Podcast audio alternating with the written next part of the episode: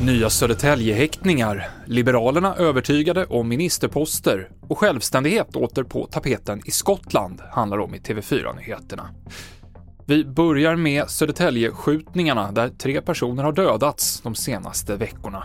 Idag häktades en 19-åring och en 18-åring misstänkta för mordet och mordförsöket i torsdags då en ung man dödades och en skadades svårt. Tonåringar sitter nu häktade för alla de tre mord som inträffat på senare tid.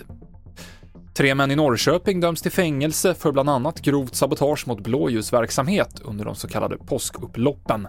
Två får sex års fängelse och en får fem och ett halvt år, bland annat för att ha kastat sten mot poliser och brandmän.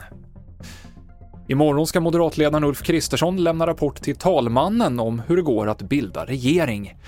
En av de svåra frågorna i förhandlingarna tros vara vilka partier som ska ingå i regeringen, där Sverigedemokraterna inte vill ha med Liberalerna.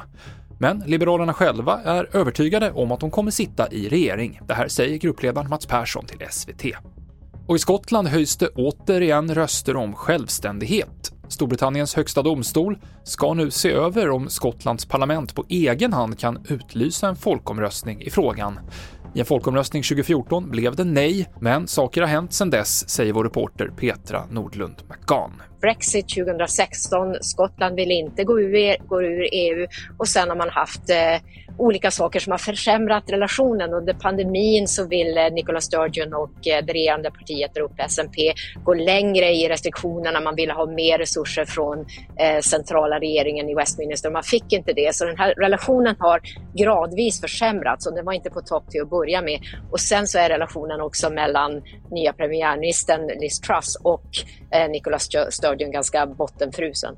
Fler nyheter hittar du på tv4.se i studion idag. Mikael Klintevall.